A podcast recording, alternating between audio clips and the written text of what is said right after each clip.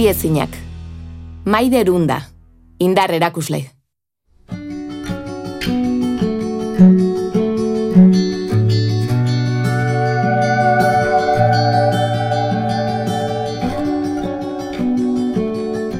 Gizona bere bakardadean liburua idatzi zuen Bernardo Atxagak mila behatzien da larogeita mairuan. Nork esango zion idazleari, Beijingen emakume batek bere bakardadean bere liburu guztiak irakurriko zituela. Maiderunda borrokalaria, bakarri joan zen 2000 eta zortziko olimpiar jokoetara. Bere disiplinan ez baitzen gertuko beste inor sailkatu. Aitzindaria izateak hori dakar. Nire kirolak behar duena da burua nahiko alasaitzea eta zure buruarekin ba, kontrol bat izatea. Hori, hori lortzeko bidean ba, liburuak irakurtzen dituen. Denpora asko geneukan entrenatzeko eta bakarrik egoteko eta liburuak ematen zidan zosegua garrantzitsua zen. Zosegua beharrezkoa da, kirolak e, momentuak dira. Egun guztia ba, kudeatzen e, nahiko lan izaten dira. E, lehengo txapelkera dator, baina gero txapelketaren ondorea gogorra izaten da batzutan eta beste batzutan e, ba, bueno, ba, garaipenak sortzen dianean realitatetik urrundu egiten zara.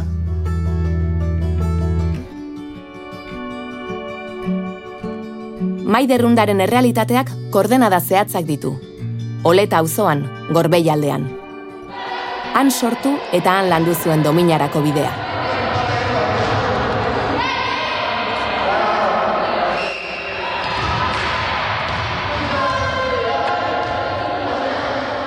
Ni estapenak hotxan dioko eskolan izan zian. E, Lengo hasi ginen e, borroka antzerakoa zen modalitate batekin, zanbo izenarekin, Eta ba, momentuan e, herri txiki batean e, kirola egiteko aukera ba, nobedadea zen, jente pillo bat apuntatu zen, baina gitxinaka gitxinaka jenteak nobedariari ba, alde batea utzi zion eta usten joan zen, eta bueno, ba, batera be bai igual e, borroka probatzen hasi ginen eta gustatzen zitzaidan kirol bat zen.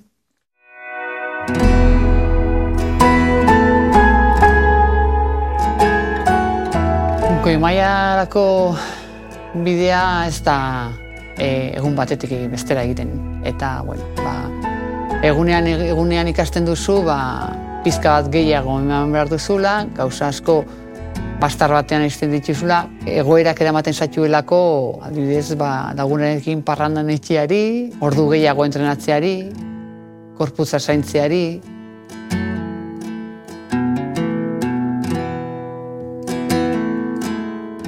baina undak ardura hoiek hartu zituen, eta bere bidea egiten zuen bitartean, bulegoetan kirolaren etorkizuna erabaki zen.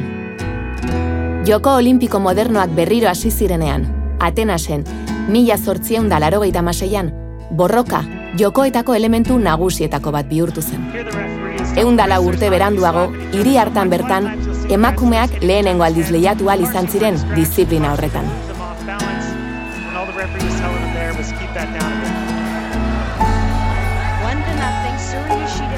Bueno, gauzak eh, berez joan izan dira nire kirol ibilbidean e, ba, geratzen, ez? Konturatzen zara, ba, batean, ba, Espainiako txapelduna zarela, ja Espainiako selekzioarekin txapelketak egiten arizten zara, horrek esan nahi du, gehiago entrenatu behar duzula, eta gauzak, ba, bueno, e, oso ondo ba, e, koordinatu behar dituzula, eta, bueno, behin 2000 eta batean erabakitzen da e, nesken borroka e, programa olimpikoan sartzen dela, eta bueno, orduan bai egiten dut e, apustu gogorra, eta erabekitzen dut e, Madrilera entrenatzera joatean.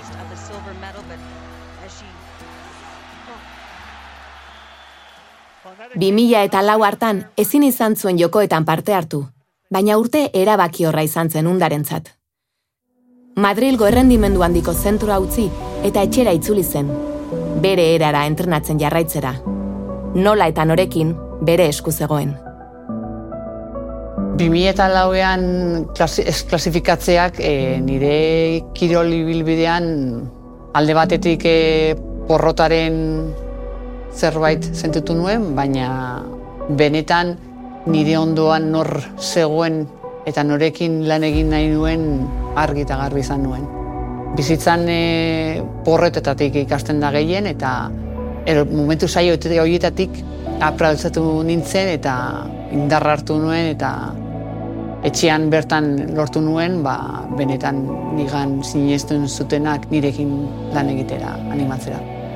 2000 eta lauean atzera itzita, ba, bueno, etxera voltatzea bueno, ba, buru makur ezen erreza, baina bueno, zorionez Luis entrenatzen jarraitzen zuen eta Luisekin entrenatzea bueltatu nintzen eta ba, hortik aurrera erabaki genuen ba, bat bastineko fundazioekin ba, gure programazioa lantzea eta horri izan dituen danak laguntzeko prestu.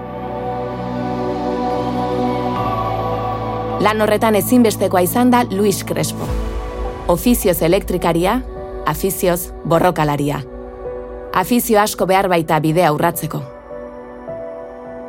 Fuimos pioneros, tuvimos que reinventar casi todos, amoldarnos a situaciones y a condiciones que en esa época o sea, era lo que era. El deporte a nivel estatal estaba estructurado de una manera y era así, no había más. Y nosotros tuvimos que, pues, poco a poco, ahí peleando, eh, filtrando muchas cosas, yo como entrenador sobre todo, pues bueno, pues dando pasitos siempre, de, pues siempre protegiendo al deportista, ¿no?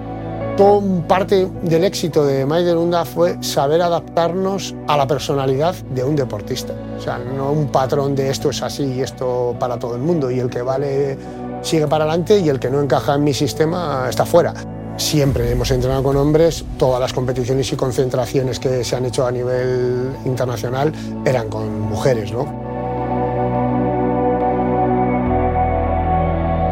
Nire egunerakoan gizonak e, bueno, ba, errealitate bat zen eta emakume faltan ere bai oitzutan egoen e, mutilekin entrenatzea eta niretzat ez da izan hori bueno, ba, ostopo bat normaltasunez bizi izan dut. 6.000 kilometro daude oletatik Torontora. Han, etxetik hain urruti topatu zuen undak bere mailako emakume borrokalari bat. Londresko jokoetarako entrenatu alizateko, Ogeneua akufok 6.000 kilometro egin zituen gazteizera etorri eta undari entrenatzen laguntzeko. Berdintasunerako bidea luzea dela esateko adibide ezin hobea. Bibila eta mabi garren eh, jokuak prestatzeko, bueno, azkeneko txampako prestaketzako, e, eskatu genuen ba, gurekin entrenatzera etortzea ba, goi mailako kirolari bat. Eta, bueno, sorionez, ba, Ojenagoa akufo e, joku editatik kanpo geratu zen eta baiezkoa eman zigun.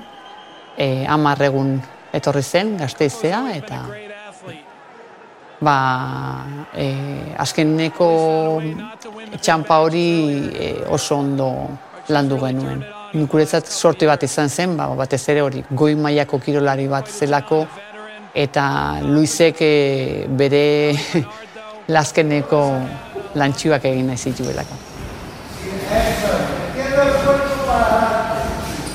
Horrelako prestakuntzari esker, dominak geroz eta gertuago zegoen.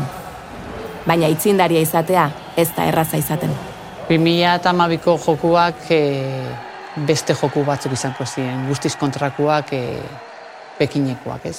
Bi hiru egun lehenago heldu nintzen Londresera, banekien zertaran egun e, joaten nintzen helburua argi neukan ba pekinetik ies egin zidan domina hori lortzea zela eta eta bueno, ba oso oso zehatz landuta geneukan guztia. Between Basilisa Marzaliuk of Belarus and uh, Maide Unda. Sorionez, Luis eh, nirekin egoteko aukera izango zuen eh, borrokatzeko aretoan, eta horrek ere asko laguntzen. Berarekin entrenatuko nuen azkeneko txampar arte, eta berak lagunduko zidan konbate guztietan. Nik hor alde hortatik oso, oso lasain egoen, ez nuelako ba, bakardeo dori zentituko. Banekien e, irabasteko gain nintzela, baina e, oso, oso kontrolatuta izan behar nuela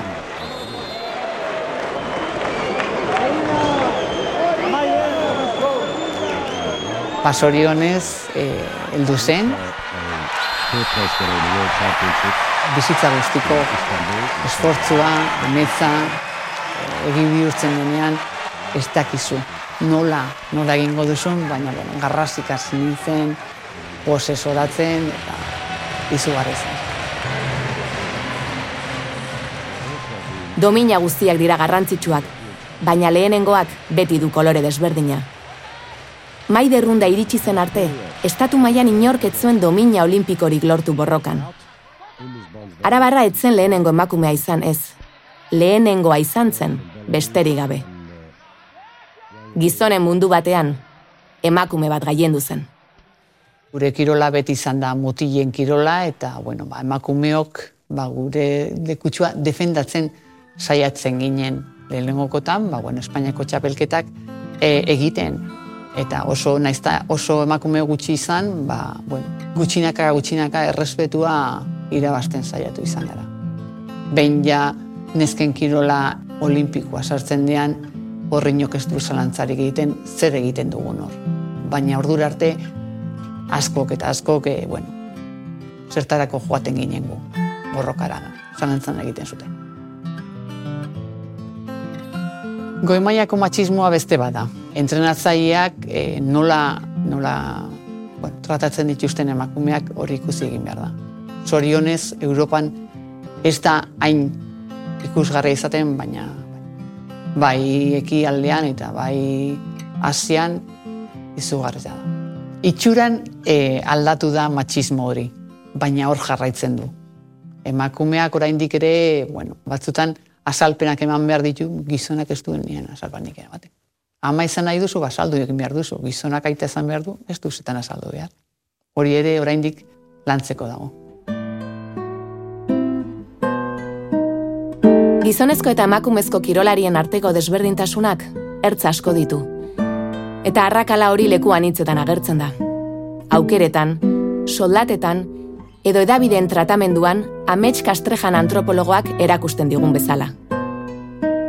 Este artículo del País del 2012 sitúa a una Maider Unda con estas palabras. Esta mujer con brazos de hombre que estrecha la mano con fuerza de niño ha conseguido la única plaza olímpica española de su deporte. Esta, esta mujer con brazo de hombre, ¿no? Parece que, la mujer en sí no, no, puede tener un brazo musculado, sino que está asimilando el brazo musculado al de un hombre y por tanto es un brazo de hombre. Entonces ahí está la comparativa relativa a los estereotipos de género, pero muy presente en, en la perspectiva androcéntrica. ¿no? Y luego, por otro lado, la desvalorización comparando la fuerza de esta mujer adulta con la de un niño. ¿no? Entonces eh, podemos ver esos dos casos eh, directamente, ¿no? el androcentrismo en la comparativa eh, con, el, con, la referencia masculina y por otro lado la desvalorización de la fuerza, eh, bueno, comparándola con, con, una persona de, de menor edad. ¿no? Baina bizitza ez da gelditzen domina baldortzen duzunean, eta undak beste bete behar batzuk zituen.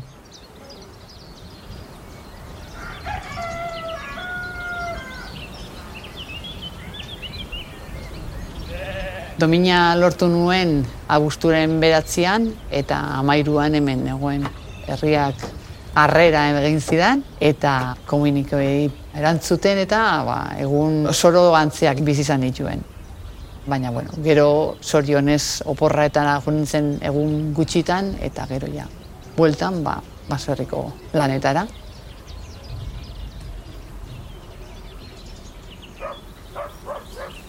Kirolean ebilenean janen baneukan e, lanbide bat, e, hartzaia eta gaztagilea. Eta argi neukan, kirola usten nuenean berarekin jarraituko nuela, berak eman dialako lasaitasuna, biziposa eta eta gustura sentitzen. Gauzak egun batean lortzen dira, baina galdu ere bai. Bazterriko lanak ematen duena da e, buruko atzerena. Lasaitasuna, e, murgiltzen zara zure egunerokoan eta besteak ez da kapixurik. Zaila eta gaztagile izateak e, eskatzen duena da egunero egunero nahi ja. Astralenetik e, igandera. Ba, kudeak eta hortan egunak egoten dira ba, gogorrak eta beste batzuk ba, lasaiagoak. Nire lanbidean e, matxismoa egon badago, baina emakumeak denpora da, dera, desente darama hemen finkatuta eta bere postua beti defendutu izan du eta indar dezente dauka. Nekazari eta hartzai izateak e, ardura handia dauka. Eta horrek askotan kirol munduan bizizarenean zurrumbi hortatik aldentzen zarenean, ba, maten dizuna da, bueno, ba, patxada bat, ez? Lana daukazu, bete beharra dituzu, baina erantzunkizunak ere bai. Dit estresik sortu.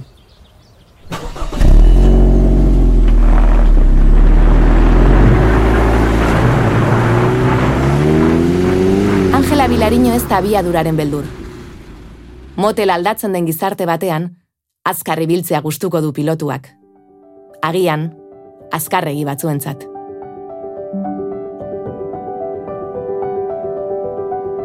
El automovilismo, yo creo que un poco como la lucha o la alterofilia, son deportes más enfocados para los hombres. Con 12, 13, 14, 15, 16 años, pues imagínate, ¿no? Estar compitiendo, pues un sueño. Igual al principio cuando eras niña, pues te tomaban un poco como que éramos unos locos, ¿no? como te dejaban correr en karting o luego un poco más adelante en coches o como hacías eso si era más masculino que femenino, ¿no? Luego ya más de adulta, pues bueno, eh, diferentes cosas, pues sí, que es verdad que igual nos han valorado ciertas cosas por ser mujer, por ejemplo. Pequeñas cosas, el hecho incluso de quedar segunda en un campeonato de Europa, en una prueba y primera del campeonato de España y que haya un equipo que hacen reportaje de todas las pruebas y en esa prueba, casualidad, no sale el reportaje o no sale la entrevista del vencedor, que soy yo. Y de hecho en el Campeonato de España que había que, solo podíamos salir 34, había que clasificarse, llegué a quedar tercera, con todos chicos, ¿sabes qué dices, Jolín? Y era algo, pues también momentos muy especiales, vas obteniendo y vas teniendo buenos resultados y buenos sabores, entonces dejas lo malo a un lado, ¿no? Pero me imagino que habría abierto el camino para, para muchas. Maiderrunda estatu mailako lehenengo borroka txapelketan parte hartzeko entrenatzen ari zenean jaio zen Garoa Martinez. Garai desberdinetan aritzea egokitu zaien arren, Garoak ere gizonezkoen mundu batean egina izan du ibilbidea. Alterofilian.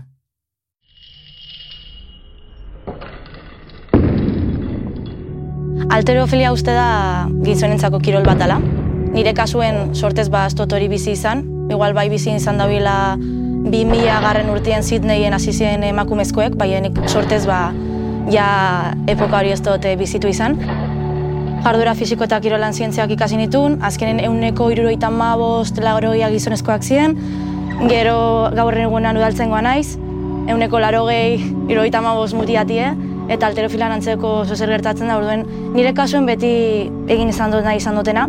Ez dakit bada Lidia Valentin referente modun daukagulako, edo garaiak aldatu direlako, espero gauza biagatik, baina nire kasuan berez ondo eta beti bultzatu naute.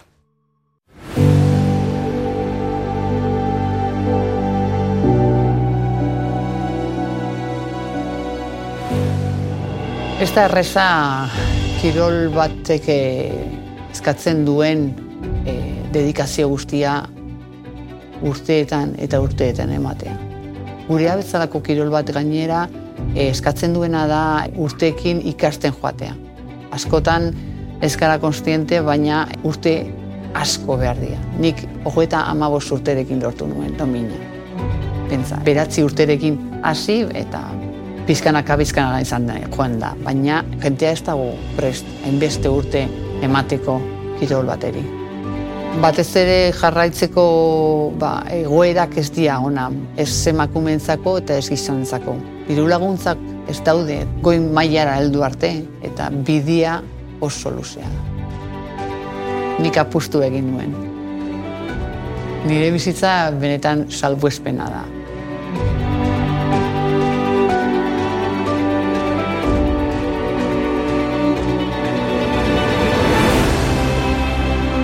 Europar batasuna. Next Generationek finantzatutako kanpaina. Suspertze plana. Espainiako gobernua. Geldi ezinak. Elmuga hasiera baino ez da. Zuzendaritza, Inigo Asensio. Ekoizpen eragilea, Elena Etxebarrieta. Gidoia eta muntaia, Goiuri Ezeiza. Soinu postprodukzioa, Noiz Estudioa. Lokuzioa, Oiana Maritorena.